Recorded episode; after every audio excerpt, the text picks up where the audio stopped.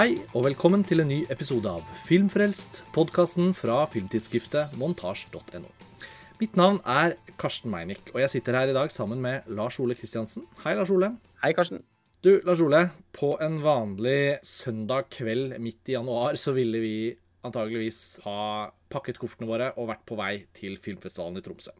Men i år skal vi jo ikke det. Det er pandemi, og smitteverntiltakene over det ganske land har jo da stengt ned mange forskjellige typer arrangementer. Veldig mange av dem er kulturarrangementer, og et av dem er filmfestivalen i Tromsø, som i år da ikke finner sted i sin fysiske utgave.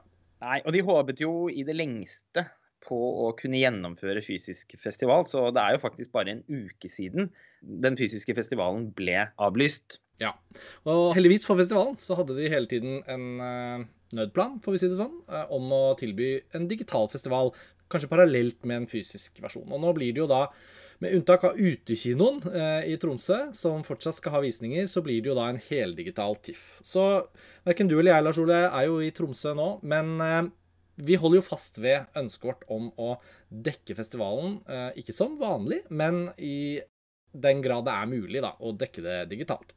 Så i den anledning så tenkte vi også å holde på tradisjonen om å komme med våre anbefalinger fra programmet før festivalen starter opp. Ja, og vi tenkte at det kanskje var eh, bedre å gjøre det da som en podkast eh, i år, i og med at det også kan være greit å fortelle litt om hvordan eh, man kan få kjøpt billetter, og si noe litt sånn generelt om det digitale programmet, som tross alt er en god del mindre enn det ville vært hvis festivalen ble avviklet som vanlig. Men det var jo uansett kun aktuelt med en noe nedskalert festival i år. Det må jo sies. Smitteverntiltakene Eh, hadde jo uansett sørget for at eh, TIFF på ingen måte kunne foregå helt som, eh, som tidligere år. Nei, og vi, vi, kan jo egentlig snakke litt om det. ikke sant? Fordi allerede da på vårparten så husker jeg jo både du og jeg hadde jo både sammen og separat fra hverandre kommunikasjon med flere av de som jobber i programgruppa til TIFF, og det var ingen tvil om at festivalen kunne jo se at pandemien kom til å på sett og vis være der fortsatt når de skulle arrangere festival. Så de har jo heldigvis hatt muligheten til å tenke på hvordan TIFF 2021 kom til å bli annerledes, uansett hvordan de vred og vente på det. Men de hadde nok innerst inne et håp, vi også, om at uh, smitte hva skal vi si, smittestatusen i Norge da, i januar 2021 eh, kom til å være på såpass lavt nivå at man kanskje i hvert fall skulle ha filmfestival. da. Men alt det sosiale er jo noe av det som vi alltid snakker så pent om når vi snakker om festivalen i Tromsø.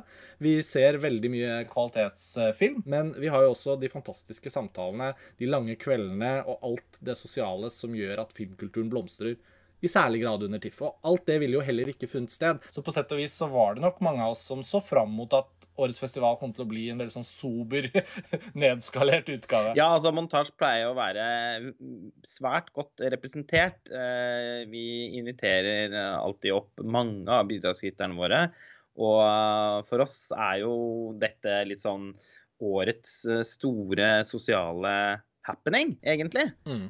Og det er klart at eh, det er jo noe man savner Jeg kjenner jo på at selve liksom festivalstemningen, den blir det innmari vanskelig å, å gjenskape eh, foran, eh, foran, skjermen hjemme. Men når det er sagt, så er det mange gode filmer som vi allerede har sett, mm. som, eh, som, er på programmet. Og det er eh, flere titler som jeg virkelig ser fram til å se.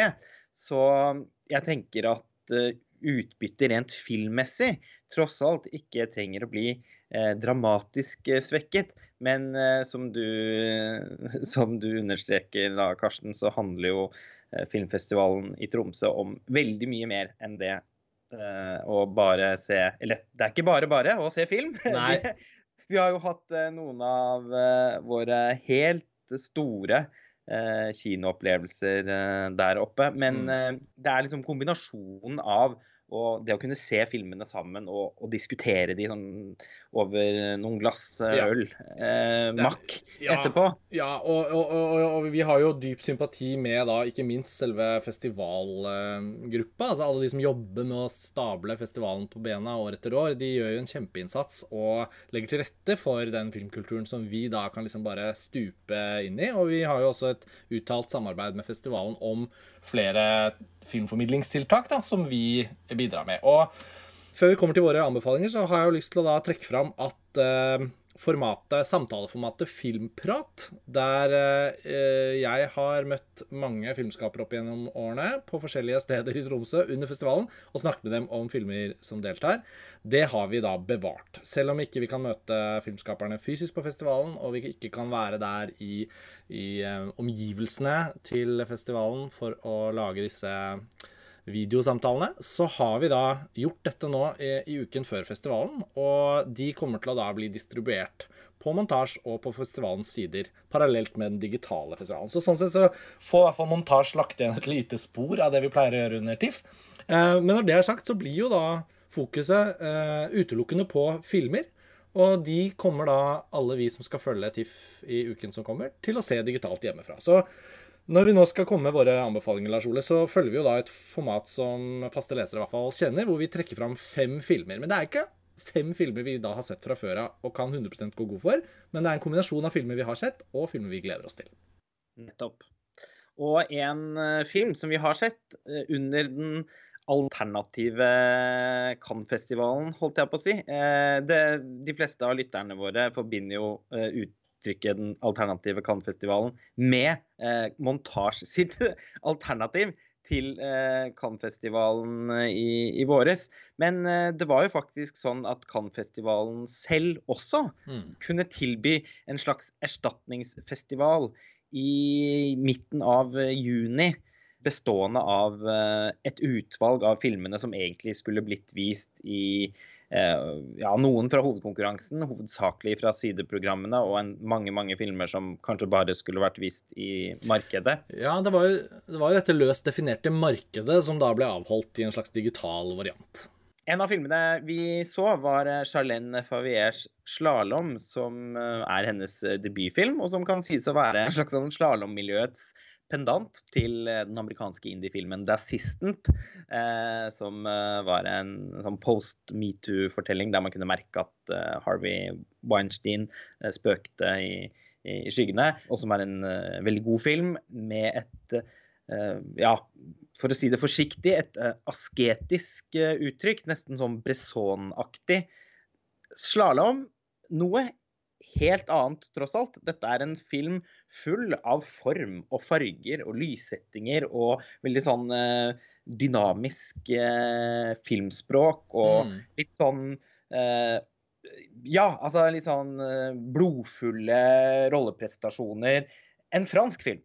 Ja, absolutt. Og det er jo vår første anbefaling. da. Den vises jo da i det digitale programmet på TIFF. Og jeg syns jo da alle lyttere som nå hører på dette, bør jo bare merke seg denne med en gang. Og jeg tror eh, den kommer til å være et høydepunkt for de som velger å se den eh, fra programmet. Den er, eh, som du sa, regissert av en debutant, og Charlene Favier hun har da også stilt opp til en av disse filmpratsamtalene.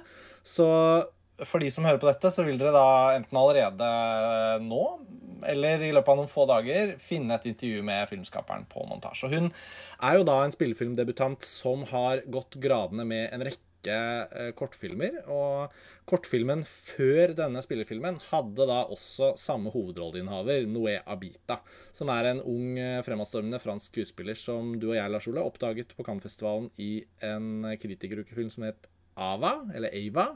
Eh, filmen var ikke like god som hennes eh, debut, for hun gjorde veldig inntrykk. Og da jeg nevnte dette for Favier, så kunne hun erkjenne at også hun hadde vært på den visningen i Kritikeruken og sett nettopp den filmen og gjort den oppdagelsen at hun eh, skuespilleren, Noé Abita, hun var noe å merke seg. Og det korte plottet, da, før vi går videre til neste anbefaling, for vi skal jo ikke si så mye om hver film nå, føler jeg. Det, det, er jo egentlig bare for å gi dere en smakebit.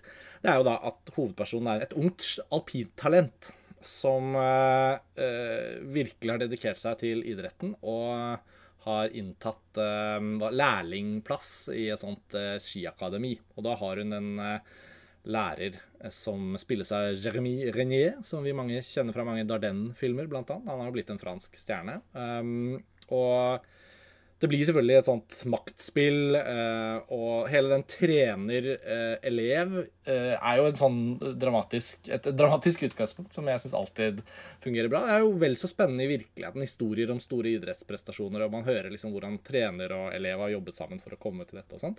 Men det har jo blitt dramatisert varianter av dette tidligere. Gjerne ser man dette, føler jeg, i dansefilmer og sånne ballettfilmer og sånt, så er det jo gjerne sånne relasjoner.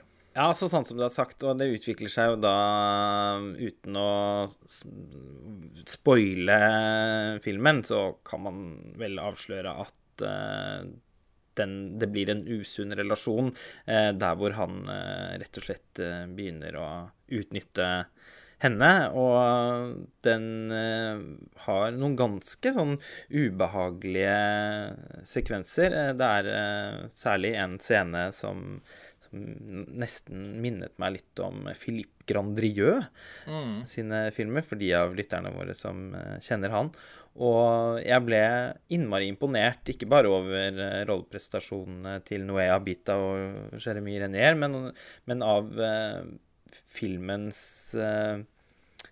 oppfinnsomhet og at det, at dette her er en debutfilm, er ganske oppsiktsvekkende. Den føles veldig sånn selvsikkert fortalt og Ja, jeg er så enig. Det, så, Charlene Favet tror jeg vi kommer til å høre mer til. og ikke minst det også å ha en film som utspiller seg i et sånt alpint uh, fjellmiljø, da, med hvite fjellsider og kalde dager og og dampende åndedrett, det er, jo, eh, det er jo et norsk fenomen òg. Så det er jo så synd nesten at vi ikke kan se denne filmen fysisk i Tromsø. Men det er altså en av våre anbefalinger. Og den har nylig blitt eh, nominert til eh, fire franske Lumière-priser. Det er jo den franske ekvivalenten til Golden Globes, med utenlandske journalister i Frankrike som filmjournalister som stemmer frem. Og den er bl.a. nominert av beste første film, beste debutfilm og beste gjennombruddsprestasjon av Nobea Bita, og beste foto, faktisk. Så ja, det er veldig mye bra å snakke om rundt den filmen, men det blir jo selvfølgelig kanskje ikke plass til å gå i detalj på det nå, men, men det er eh, ting vi også kommer inn på i det intervjuet vårt med Charlene Favier, da.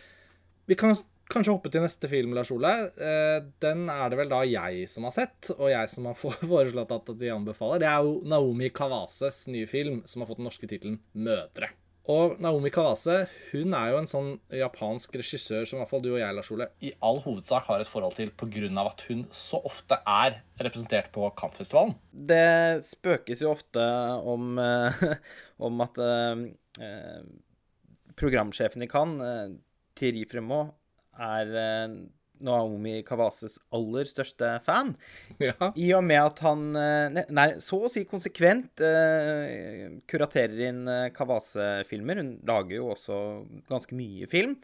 Og at kritikermottagelsen så å si alltid er uh, nokså avmålt. Hun har liksom fortsatt til gode å lage en, sitt mesterverk, på en måte. Og man opplever jo gjerne at uh, filmene hennes som vi ser i Cannes, ikke helt fortsetter sin reise ut i verden. Det blir uh, gjerne i litt sånn uh, På film fra sør og sånn. Det er ikke det. Det er også en måte å nå ut i verden på. Men det er nokså sjelden f.eks. at de har fått norsk distribusjon. Med noen hederlige unntak, f.eks. den nydelige filmen 'Under kirsebærtrærne' og denne 'Mødre' som, som, du har sett. Ja, og paradokset er jo at det er ikke utenkelig at Kavase kanskje litt ville fått en sånn glødende mottakelse for denne mødre, da.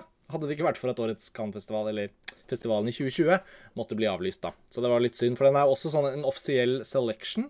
Eh, etter at Cannes-festivalen ble avlyst, så kom de jo med en liste av filmer som ville ha vært på festivalen. Slalåm, som vi akkurat snakket om, var en av dem. Og Naomi Kawases mødre var en annen av dem. Og uten å si for mye, så syns jeg virkelig at dette er en veldig sterk og veldig rørende og ganske sånn dramatisk meddrivende film. Og for de som har sett en del Kawase-filmer, så er jo ikke det det vanligste man pleier å si. De pleier jo å si at de er litt sånn meditative, ganske poetiske. Eh, en kritisk stemme vil nok kanskje beskrevet dem som litt, ofte litt kjedelige. Eh, jeg syns ikke det er tilfellet med denne filmen. Eh, premisset er at vi møter et foreldrepar til en fire år gammel gutt som skal gå i barnehagen, og de begynner å få telefoner hvor en person i andre enden ikke sier noe. Og det er litt sånn ubehagelig stemning. Så får vi egentlig gjennom hele filmen da, en serie med forskjellige tilbakeblikk som forteller oss at denne familien eh, har adoptert gutten. Eh, ekteparet var eh, ufrivillig barnløse og valgte å adoptere han. Og så blir vi også etter hvert kjent med hvem det var som faktisk var hans biologiske mor, og hvorfor hun måtte adoptere bort barnet sitt. Og så nøstes det opp en bakgrunnsfortelling da, som tar oss til nåtiden og disse uh, ubehagelige telefonoppringningene. Sånn at filmen bygger en sånn utrolig fin balanse mellom en sånn nesten litt sånn melodramatisk fortelling om foreldre og deres barn, og biologi og ikke-biologi og tilhørighet parallelt med at den egentlig er et lite mysterium. Og det er en veldig sånn fin, god narrativ motor for Kawase, da. For da kan hun liksom bruke det poetiske filmspråket sitt oppå det. Så uten å si noe mye mer enn det, så syns jeg egentlig dette er en eh, ganske sånn klokkeren anbefaling fra min side. Jeg tror veldig mange kommer til å ha glede av denne filmen. Jeg er overbevist. Eh, 'Mødre' er herved en av filmene jeg virkelig gleder meg til å se. Og det skal jo sies at eh, jeg, i likhet med deg, tross alt er godt over gjennomsnittet begeistret for Kawase. Altså Vi er nok to litt sånn tommel opp-fans. Helt klart. Så mm. men, men, hun er altså Er og blir et litt sånn kontroversielt eh, navn for eh, de som til vanlig er til stede under Cannes-festivalen. Mm. En annen film jeg virkelig ser eh, fram til, det er Frederick Wisemans City Hall. En fire timer og 32 minutter lang dokumentar om eh, ja, rådhuset i Boston. Ja. Og eh, etter hva jeg har skjønt, så er jo filmen et portrett av, av, av Boston sin Altså hvordan byen fungerer. Og mm. Mm. vi har jo sett mange av eh, Frederick Wisemans institusjonsportretter tidligere. Mm. Eh, vi var f.eks. helt fra oss av begeistring for Ex Libris i 2017. Ja, og det er jo mange som har sammenlignet City Hall med nettopp akkurat den filmen. Um, City Hall er jo da for lytterne en av de filmene vi trekker fram som ingen av oss har sett, men som vi gleder oss til å se, og vi skal se på digitale TIFF. Um, og det er jo alltid et sånn fint punkt på disse anbefalingslistene, syns jeg. fordi tidvis er det jo vel så gøy å snakke om forventningene sine til en film som å snakke litt om hvorfor man anbefaler den, når man ikke har mer tid, da. og City Hall, den er liksom bare uh, Den har alle uh, tegnene på at den er en stor Wiseman-film. Og nå har ikke han laget noe særlig dårlig, da. Men jeg føler jo at desto lengre de er, og desto detaljerte de virker å være om et sånt institusjonsmiljø, uh, desto bedre blir de jo som regel. Ja, helt enig. Og han har, virke, han har, jo faktisk laget noen av sine beste filmer de siste ti årene. Så det er eh, Ja, jeg har, jeg har virkelig eh, forhåpninger Eh, om at eh, City Hall kan bli stående som kanskje en av de beste filmene i hele 2020. Fredrik Wiseman er jo altså 90 år gammel, eller noe sånt nå. Ja, han, jeg slo det opp uh, i, før vi startet opptaket, og han har altså nettopp fylt 91. Altså, jeg kan ikke komme på en regissør over 90 uh, som har uh, fortsatt har en aktiv produksjon. Så Agnes Varda, men hun gikk jo bort, da. Ja, hva med Clint Eastwood, da? Ja, Men han er vel ikke blitt 90 ennå, er han? Lurer på om, om klokka klang der. At han, at han faktisk har forbipassert nå, nå ble jeg, Det er mulig jeg har drømt om dette. Han er i hvert fall i ferd eh, med å, å fylle 90 år, han også. Du har helt rett, han fylte 90 år i fjor. Jeg slo det opp nå. Men det er få av dem. Det kan man trygt si. Og Fredrik Weissman lager jo ikke noen sånn stillferdige filmer inni ett rom eh, til 70 minutter lange fordi han bare vil. Han lager jo disse svære prosjektene, så nei, det er jo endeløst fascinerende. Ja, og så er han jo noe av et one man band. Det skal man også huske på, at han er eh, svært involvert i eh, veldig mange deler av den kunstneriske prosessen. Litt sånn på samme måte som Steven Soderberg. Så det er virkelig helt sånn oppsiktsvekkende uh, at han fortsatt uh, er en av de viktigste kildene til velobserverte, kloke, ikke av medias sensasjonslyst tilsmussede fortellinger om USA. Så eh, det kan vise seg å bli et, eh, et høydepunkt. Eh, som sagt, filmen er fire timer og 32 minutter lang, og noen vil kanskje da rynke litt på nesen over tanken på å skulle stå opp og se denne filmen klokken ni om morgenen. Det er starttidspunktet Tromsø har valgt, fredag 22.1. Da kan det være greit å informere om at filmen starter da på en måte sin første visning, men vil være tilgjengelig i 48 timer. Så det er til og med mulig å for publikummere som ikke har tålmodighet eller anledning til å se film så lenge i et strekk, som kanskje er vant til å, til, til å se ja, en time av gangen, for, fordi det til vanlig går mest i TV-serier, så vil det jo også være mulig å, å dele opp uh, City Hall i, i, noen episoder. Ja, men altså, det, du bringer oss jo nå egentlig til et litt sånn viktig punkt, og vi, vi ble enige om å ikke starte med det, for det er litt så tørt og kjedelig. men nå som du har nevnt det, skulle vi si bitte litt grann til lytterne våre da om hvordan den digitale festivalen da faktisk vil fungere? Fordi eh, all informasjon finnes jo for så vidt på tiff.no, så vi trenger jo ikke referere alt. Men som du sier, så har jo festivalen da en digital festival. Og det er ikke det samme som en Netflix-tjeneste, på en måte. Man må ikke misforstå det som en sånn fastmontert strømmetjeneste der du bare kan plukke og velge til enhver tid. Festivalen forsøker å opprettholde da visningstidspunktkonseptet. Og også billett begrensningskonseptet. Så dette er jo da visninger som kan bli utsolgt, og det er da begrensede tidsrom. Og som du sa, Lars Ole, så starter jo hver film på et gitt tidspunkt, før den da er tilgjengelig i 48 timer for de med gyldig billett. Ja. Um, det er både mulig å kjøpe enkeltbilletter uh, og klippekort, og det er vel noe festivalpass og sånn. Så all, alle svarene fins på TIFF sine nettsider, men det er greit å ha nevnt det at det da er på den måten visningene vil uh, finne sted. Den neste filmen jeg har eh, lyst til å løfte fram, det er Brian Justnas Society, som uh, vises i samarbeid med Tromsø Filmklubb. Ja. Uh, det er en film som jeg har på Blu-ray, med en forbausende innpakning, får man si. Det er utgitt av britiske litt sånn kultdistributøren Arrow. Eh, som da eh, har laget et cover som tror jeg nesten må være mest sånn I hvert fall ett av de mest sånn taktile jeg har i samlingen. Fordi det coveret forsøker å, liksom, å gjenskape de usannsynlig groteske spesialeffektene til eh, japanske Screaming Mad George, litt av et kunstnernavn. Eh, som får særlig mye plass eh, mot slutten av Society i et slags gruppesexklimaks for historiebøkene, får man si. Det er en oppsiktsvekkende film. En underlig miks av Invasion of the Body Snatchers, Rosemary's Baby, David Cronbergs eh, sekretdryppende body horror og John Hughes uh, high school-komedier. men, men, dette er jo en uh, klassiker, altså en gammel film, som, som, er programmert inn, som du sier, av, av, Tromsø Filmklubb. Jeg hadde likevel ikke hørt om den egentlig i det hele tatt. Uh, kan du bare si bitte litt om hva som er dens kulthistorikk? ja, en klassiker i vanlig forstand er det jo ikke. Så det må sies å være for spesielt interesserte. En gammel film, da.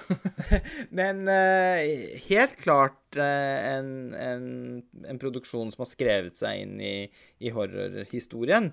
Og uh, den, er, den er ganske skrullete, litt sånn såpeopera-TV-film på en vemmelig måte. og selv om den da høres ut som en, en, cocktail bestående av så mange forskjellige slag med sprit at det bare blir kvalmende, holdt jeg på å si, så, så um, er den egentlig ganske sånn fokusert i visjonen og fortellingen sin. Altså det er en satire over det nedarvede overklasselivet i Beverly Hills i Los Angeles, der liksom slekters gang og overflate er alt. Og den får gjennom poengene sine veldig, veldig bra. Og jeg vil påstå at den eh, egner seg best for, for de som, som, er glad i en god del eh, slim og blod og gørr. Eh, for, eh, for, alle som tenker at eh, den, den, beskrivelsen jeg nå har eh, kommet med, høres appellerende ut, så er det en vanvittig underholdende film, som dessuten er ganske morsom å snakke om etterpå. Så jeg vil jo anbefale den å se den med noen andre og kanskje ta mm, et glass vin. Men det er jo veldig, er veldig bra også at du trekker inn en sånn type anbefaling, fordi jeg føler jo at det er jo nettopp denne typen programmering som holder TIFF på et så høyt nivå. At de har plass og overskudd og kreativitet nok til å fylle hvert årsprogram med noen sånne påfunn både fra filmhistorien og ellers. Og et annet element som typisk sånn blir savnet i et år som dette, er jo uh, de årvisse stumfilmene med nykomponert musikk, stumfilmkonserter og alle disse. Så det er så mye kreativitet i programmeringen på TIFF som, uh, som går selvfølgelig tapt i år. Altså, det er berømmelig at den digitale utgaven skal kjøres, og at vi har et festivalprogram, men det er selvfølgelig med stor sorg at vi erkjenner at mange av de tingene vi er vant med å få glede av der oppe, da, eh, faller til side. Da, men da er det jo desto hyggeligere at en, en, programmert inn film som Society fortsatt er en del av det digitale programmet. Uh, ja, selv om den er gammel og kommer litt sånn inn fra siden. Ja, det var en gledelig overraskelse. Og selv om filmen uh, som sagt er tilgjengelig i en veldig flott restaurert utgave på, på Blu-ray og sånn, så er det tross alt ikke en film særlig mange har sett. Nei, jeg er jo et klasseeksempel på det. På, på, det femte anbefalingspunktet vårt, Lars Ole, så føles det jo naturlig å snakke litt om de norske filmene. Og Det handler jo litt om at eh, et av våre ansvarsområder hvert år har jo pleid å være å bidra med, med filmer til Kritikeruken. Eh, høydepunkter fra det norske filmåret. Mm, men i år har jo også filmen Nei, festivalen har jo også verdenspremiere på tre nye norske spillefilmer. Så det må vi jo snakke litt om. Ja, det er jo da Yngvild Sve Flikkes Ninja Baby, Guro Brusgaards Han og i Tonje Sømer Guttormsens Gritt. Og de skal vi komme tilbake til i en senere podkast, men vi har sett oss nødt til å bare understreke at én av disse filmene eh, er blant våre ypperste anbefalinger eh, egentlig eh, Altså, med all sannsynlighet den beste filmen som vises eh, i Tromsø i år. Og det er jo en stor glede å kunne erklære at, eh, at den er eh, norsk. Nå vil det vise seg, da, når festivalen er ferdig, om den fortsatt kan, om den kan beholde den posisjonen. Men eh, i mine øyne er Gritt en av de beste norske filmene som er laget. Og en film jeg ikke kan vente med å, å, å, å, snakke og skrive mer om. Jeg må si at jeg syns at det er at, Altså, det er et mesterverk, rett og slett. Ja, for Lars Ole, i Tonje Søymer Guttormsens nye film 'Gritt' har jo da hatt eh, en første pressevisning for i hvert fall oss to. Og jeg eh, hadde gleden av å intervjue i Tonje om filmen på Filmprat, så den kommer jo også nå til uka. Og filmen får da sin verdenspremiere på tirsdag. Og da blir det jo uh, Altså, for det første så er det jo noe vi håper våre lyttere kommer til å kaste seg over og, og, gå inn og se filmen. Her må alle Fordi, kjenne sin besøkelsestid. Ja, og her er det jo også noe med at for, for vår del Selvfølgelig er man jo glad for å kunne mm, se ny film under kontrollerte omstendigheter i form av pressevisninger, eh, digitale så vel som fysiske. Men ikke minst så er jo dette et tilfelle hvor man har så lyst til å snakke om filmen. Eh, og vi har jo selvfølgelig holdt oss i skinnet, så nå benytter vi jo først og fremst bare anledningen til å understreke at her har vi å snakke, snakke om et betydelig verk. Eh, alle må kjenne sin besøkelsestid. Og når da eh, filmen har hatt premiere på tirsdag, så gleder vi oss til å liksom, åpne låvedørene litt og håpe at vi får snakket om filmen i detalj, både med dere som hører på Filmfrelst, og dere som skal se film på festivalen. Alle tre er spennende å snakke om, og alle tre har kvaliteter. Så det er jo egentlig et sånn gledelig vårslipp for ny norsk film. Helt klart. Eh, det er mye, mye, mye fint å, å, å, si om de andre, og bra du understreker det. Men for egen del så kjenner jeg liksom behovet for å eh, bygge verdens høyeste tårn og få verdens største ropert. Og bare rope om gritt. Ja. sånn at alle i landet kan høre det. Eh, når det er sagt, så er det også en film det er naturlig å ha litt forskjellige meninger om. Og ja, det er jo derfor jeg syns det er spennende å tenke på samtalen rundt den, da. Absolutt. Og, og, den skal vises i Gøteborg og Rotterdam også, så det er jo snakk om at den har fått en sånn veldig stor uh, festivalprofil da, allerede nå på starten av året. Uh, og de som ser for seg at de skal se Gritt på digitale TIFF i løpet av de nærmeste dagene, men som vet at ikke de har sett kortfilmen 'Retrett', som i Tonje Søymer Guttormsen lagde for noen år siden, og som er den første filmen om tittelfiguren Gritt, som egentlig heter Gry-Jeanette. Ja. Hun Retrett er en veldig bra kortfilm som fins på bibliotekenes strømmetjeneste filmbib.no. Og der er det gratis å se film hvis du logger deg inn med nasjonalt lånekort. Så for, for de som nå skjønner at det fins en kortfilm og tror de ikke har noe sted å se den, så har de det. Gå inn på Filmbib, se Retrett, og da er det forberedt til gritt. Ja, altså til opplysning. Eh, jeg har sett Retrett mer enn ti ganger. Så eh, jeg tror kanskje Gritt er min Altså, sagaen om Gritt er min favorittfranchise. Det er altså et veldig bra sånn uh, spenningsskapende anbefalingsuttalelse. Uh, jeg, jeg, tenker vi kan egentlig avslutte der, Lars Ole, fordi kunsten med denne episoden var jo litt å få, få trukket fram noen anbefalinger. Men uh, den digitale TIFF er jo da ikke egentlig helt i gang før i morgen. Vi tar opp denne episoden søndag kveld før festivalstart og akter å publisere den umiddelbart.